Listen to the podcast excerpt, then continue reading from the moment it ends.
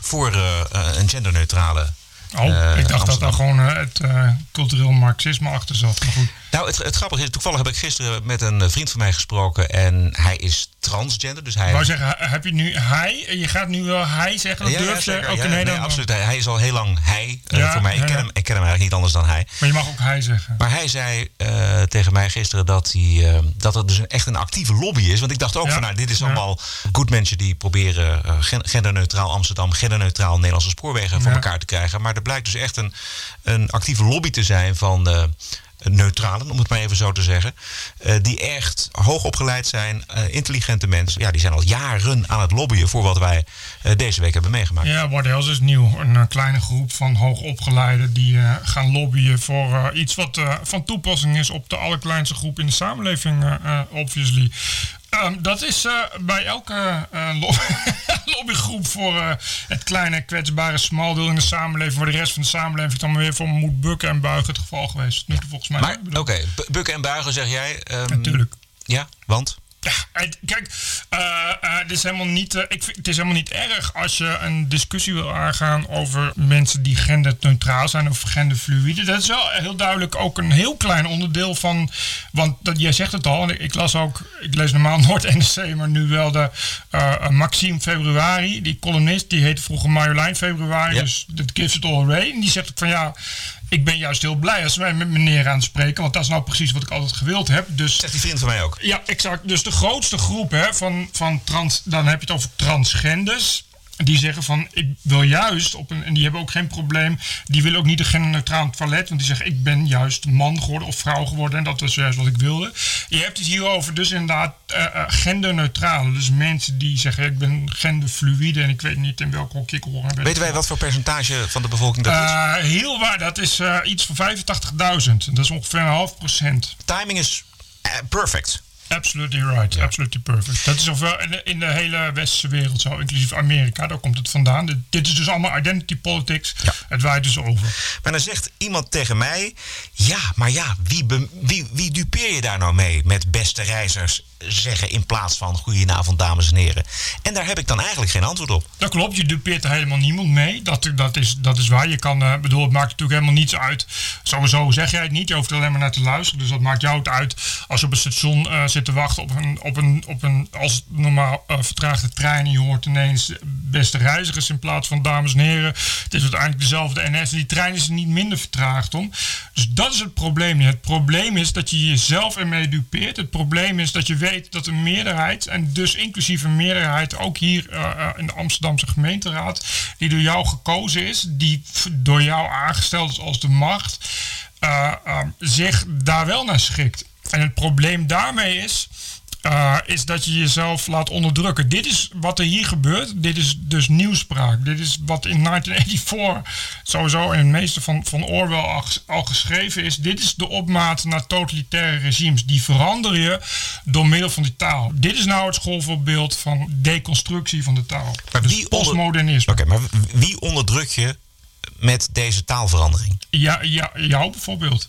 Op het moment dat ik jou eh, kan, kan, kan vertellen, kan van jou kan eisen eh, dat jij geen mannen en vrouwen meer ziet, dus een binaire gender. Terwijl jij weet dat het zo is. Door jij loopt op straat en je kijkt. En ik, eh, als ik nu met jou op straat ga en ik zeg tegen jou, wijs voor mij aan.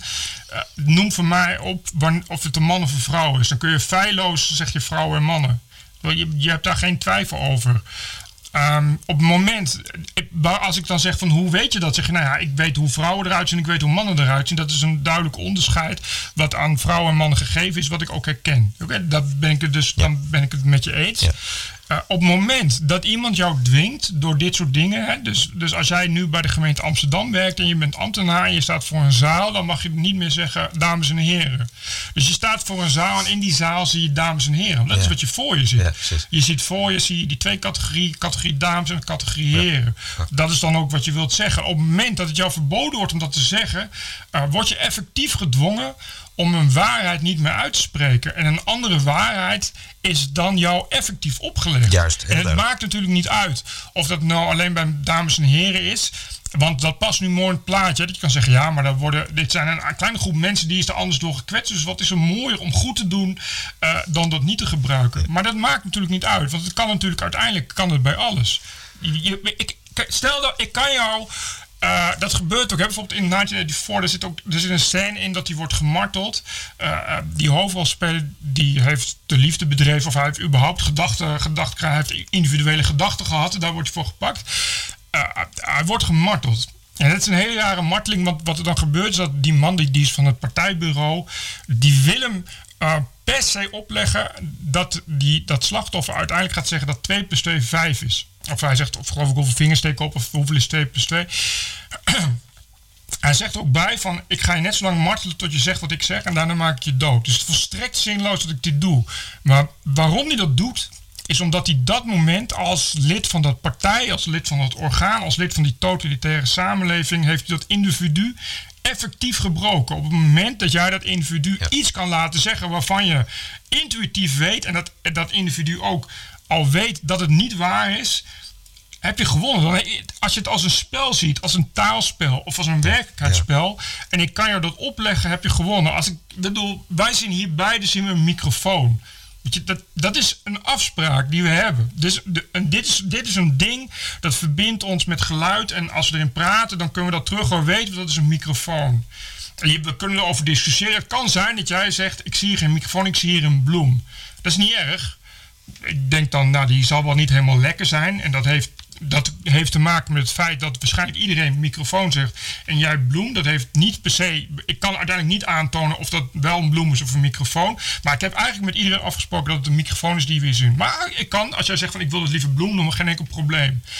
Nou, daar is dus het punt. Maar als ik dan zeg praat in je microfoon en jij zegt dan tegen mij: Ik heb liever dat je dat geen microfoon noemt, maar een bloem. Dan is het dus een probleem. Want dan bepaal jij voor mij wat, wat mijn werkelijkheid moet zijn, omdat het ook jouw werkelijkheid is. Precies. We zouden tot de conclusie kunnen komen dat we allebei een verschillende werkelijkheid hebben. Jij noemt dat bloem en ik noem het microfoon. Maar jij kan niet voor mij bepalen wat de werkelijkheid is. En dat is, dat is wat je met nieuwspraak, hè, met dit soort. Uh, uh, dit is een soort van brainwashing, dit soort manipulatie kunt bereiken. Uh, wat hierachter zit, is een, dus een, een neo-Marxistisch, een cultuurmarxisme, hoe je het ook wil noemen. wat ze willen.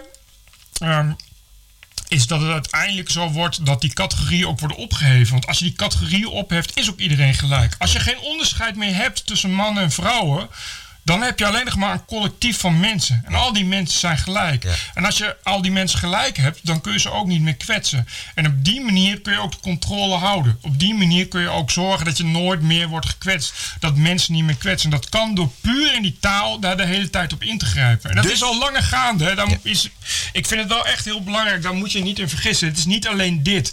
Dit is uh, de honderdste keer of de tweehonderdste keer dat dit soort dingen. En het zijn dus hele kleine veranderingen. Het zijn hele kleine veranderingen die ook heel sluipend gaan. En waarvan mensen, omdat het dus voor een goed doel is, daarvan zeggen mensen heel makkelijk. Dus wat ze tegen jou ook zeggen, ja, wat is er erg aan? Ja. Het is toch helemaal niet erg om dat te doen? Zo werken goede doelen ook, hè? En mind you, die zeggen, wil je aan mij geven? Nee, dat wil ik niet. Waarom niet? Ben jij tegen goede doelen? Nou ja, ben niet tegen goede doelen, maar je wil niet geven. En hier net zo, waarom niet? Ben jij, ben jij er soms tegen? Wil jij soms graag, omdat dat gebeurt er, ben jij soms een fascist die mensen wil kwetsen? Ja. Wat ik me afvraag, een praktische vraag. Waarom is er zo weinig verzet tegen? Want waarom zouden vrouwen het prettig vinden om met mannen in hetzelfde toilet te staan? Gezellig samen handen wassen. In, een, in een, genderneutraal toilet. Omdat... Uh, dat is toch, dat, dat vinden vrouwen toch helemaal niet fijn? Nee, maar omdat dus dit omdat mensen willen deugen. Dit is, er, is, er, er zit een gedachte achter dat je, het over dit soort, dat je het over deze boeg hoort. Dat je het over dit soort woorden hoort. Omdat je hiervoor juist die, die, mensen kan winnen. Dat je hiermee een collectief kunt vormen van mensen die allemaal met de vinger wapperen en zeggen: Dit is wat je moet doen. Want hiervan kun je bepalen: dit is het goede. En hiervan ga je niet zeggen: Ja, ik wil het liever niet. Op het moment dat je moet gaan zeggen: Ja, ik ben vrouw en ik wil eigenlijk niet dat er genderfluïde types in mijn toilet komen. Want wie weet wat daarvan komt. Misschien maken mensen daar wel misbruik van of je neemt het. Dat is een slecht voorbeeld. Je kan een derde toilet en zeg je ja, dit is genderneutraal. Dus je kan als vrouw naar het vrouwentoilet. Hè, maar als je zegt van waarom komen die mensen niet toe in verzet? Waarom spreken mensen hier zich niet tegen uit? Hoe kan het dat je uh, als je ambtenaar bent bij de gemeente Amsterdam notabene een taalgids, wat is gewoon inderdaad letterlijk een nieuwspraakwoordenboek is. Want ik heb hem online gezet. En als je ziet, dit is niet alleen, gaat niet alleen over gender. Je mag ze ook niet meer homoseksueel zeggen. Oh ja. En veel erger. En daar gaat het dus mis. En daar wordt het gevaarlijk. Je mag bijvoorbeeld ook niet meer jongen of meisje zeggen. Je mag alleen zeggen bij de geboorte gezien als jongen. Of bij de geboorte gezien als meisje. Ja, als je aangifte doet. Ja, maar, en dan, maar dan doe je dus afbreuk aan de elementaire werkelijkheid. Dan doe je afbreuk aan biologische feiten. Namelijk dat mensen op de, uh, inderdaad, de dubbelgeslachtelijke en hermafrodieten na, wat echt een heel kleine uitzondering is, dat mensen ongeacht wat ze later zelf voelen en ongeacht ze later iets anders hebben eh, denken bij hun genderidentiteit, geboren worden met een piemeltje of een, of een vagina en dus geboren worden als jongetje of meisje. En dat is, dat is dus 2 plus 2 is 4. Ja. En op het moment dat je gaat zeggen, je mag niet meer jongetje of meisje zeggen, maar alleen maar gezien als jongetje of meisje, leg je dus mensen op om te gaan zeggen 2 plus 2 is 5. En op het moment dat dat gebeurt, heb je als machthebber, als drijvende kracht of als wie dan ook, uh, vanaf welke lobby dan ook en welke invloed je wil hebben. En die gaat altijd om macht. Die gaat, dat is altijd de kern van dit soort verhalen. Om pure macht gaat, dit gaat puur om een wil opleggen. Ja, dit, dit, gaat, dit is in geen enkel totalitair regime ooit anders geweest. Dat is dit ook. Op het moment dat je het lukt om alle ambtenaren op een rij zo ver te krijgen dat ze niet meer jongetje of meisje zeggen, maar alleen gezien als jongetje of gezien als meisje heb je ze effectief letterlijk 2 plus 2 is 5 laten zeggen. En dan heb je ze laten bukken. En dan heb je dus gewonnen. En dan heb je die mensen onder controle. En dan gaat het dus effectief, en dat is vanaf nu dus het geval ook in Amsterdam, om gedachtepolitie, om taalpolitie. Weet je, en dat is ontzettend ernstig. En het is hier nog niet zo ver als in Canada, waar Jordan Peterson dus zich al jaren terecht heel druk over maakt. Want die is begonnen, hè, die is bekend geworden uh, als hoogleraar, maar echt bekend geworden door zijn YouTube-video's over dit, dit probleem. Want in Canada heb je de Bill C-16, hè, de, bill, uh, de C-16, die is aangenomen door het parlement inmiddels. Dus dat gaat een wet worden. En dat betekent dus uh, uh, dat het uh, aanspreken of kwetsen op gender, dus het hij-zij zeggen, dat dat binnen de wet van discriminatie gevallen. Dus dat mensen jou kunnen aangeven op het moment dat jij hij of zij hebt gezegd, omdat ze zich dan gekwetst voelen. Ja, dus het is wachten op de eerste NS-medewerker die per ongeluk goedenavond dames en heren door de trein roept. En iemand die zich daar gekwetst door voelt en naar de rechter gaat om dat recht te zetten. Nou ja, het is nu nog geen wet, maar dat gaat natuurlijk geheid gebeuren. Want dat is natuurlijk wat er nu gebeurt. het is een sneeuwbal. Het begint in Amsterdam, want het begint altijd in Amsterdam. Dit is toch de, de fijne, progressieve, uh, linkse stad uh, waar, waar dit soort hippe, dit soort D66-gedram, zoals Wilders het al heel terecht opmerkte, begint. Uh, ik zag nu ook al, Bert Bakker van D66 had er een leuke Facebook-post over. Die zegt, ja, je gaat voorbij aan het stadhuisgen. Wat er gebeurt is dat alle politici al, al binnen no time doorkrijgen hoe ontzettend fijn het is om, om zieltjes te winnen, om verkiezingen te winnen. En hoe ontzettend snel het, uh, je daar beleid op maakt in elk stadhuis. En dat heb ik ook al gezien. Ik zag dat in Limburg, het COC in Limburg, zei we willen dit in Limburg ook. Uh, ik zag vandaag uh, dat er ambulancevrouwen waar zij waren, die zeiden wij willen uh, dat het nu, uh, uh, het moet nu ophouden dat het over broeders gaat en, en om mankracht. Het moet ook, weet je, dat is wat je gaat krijgen.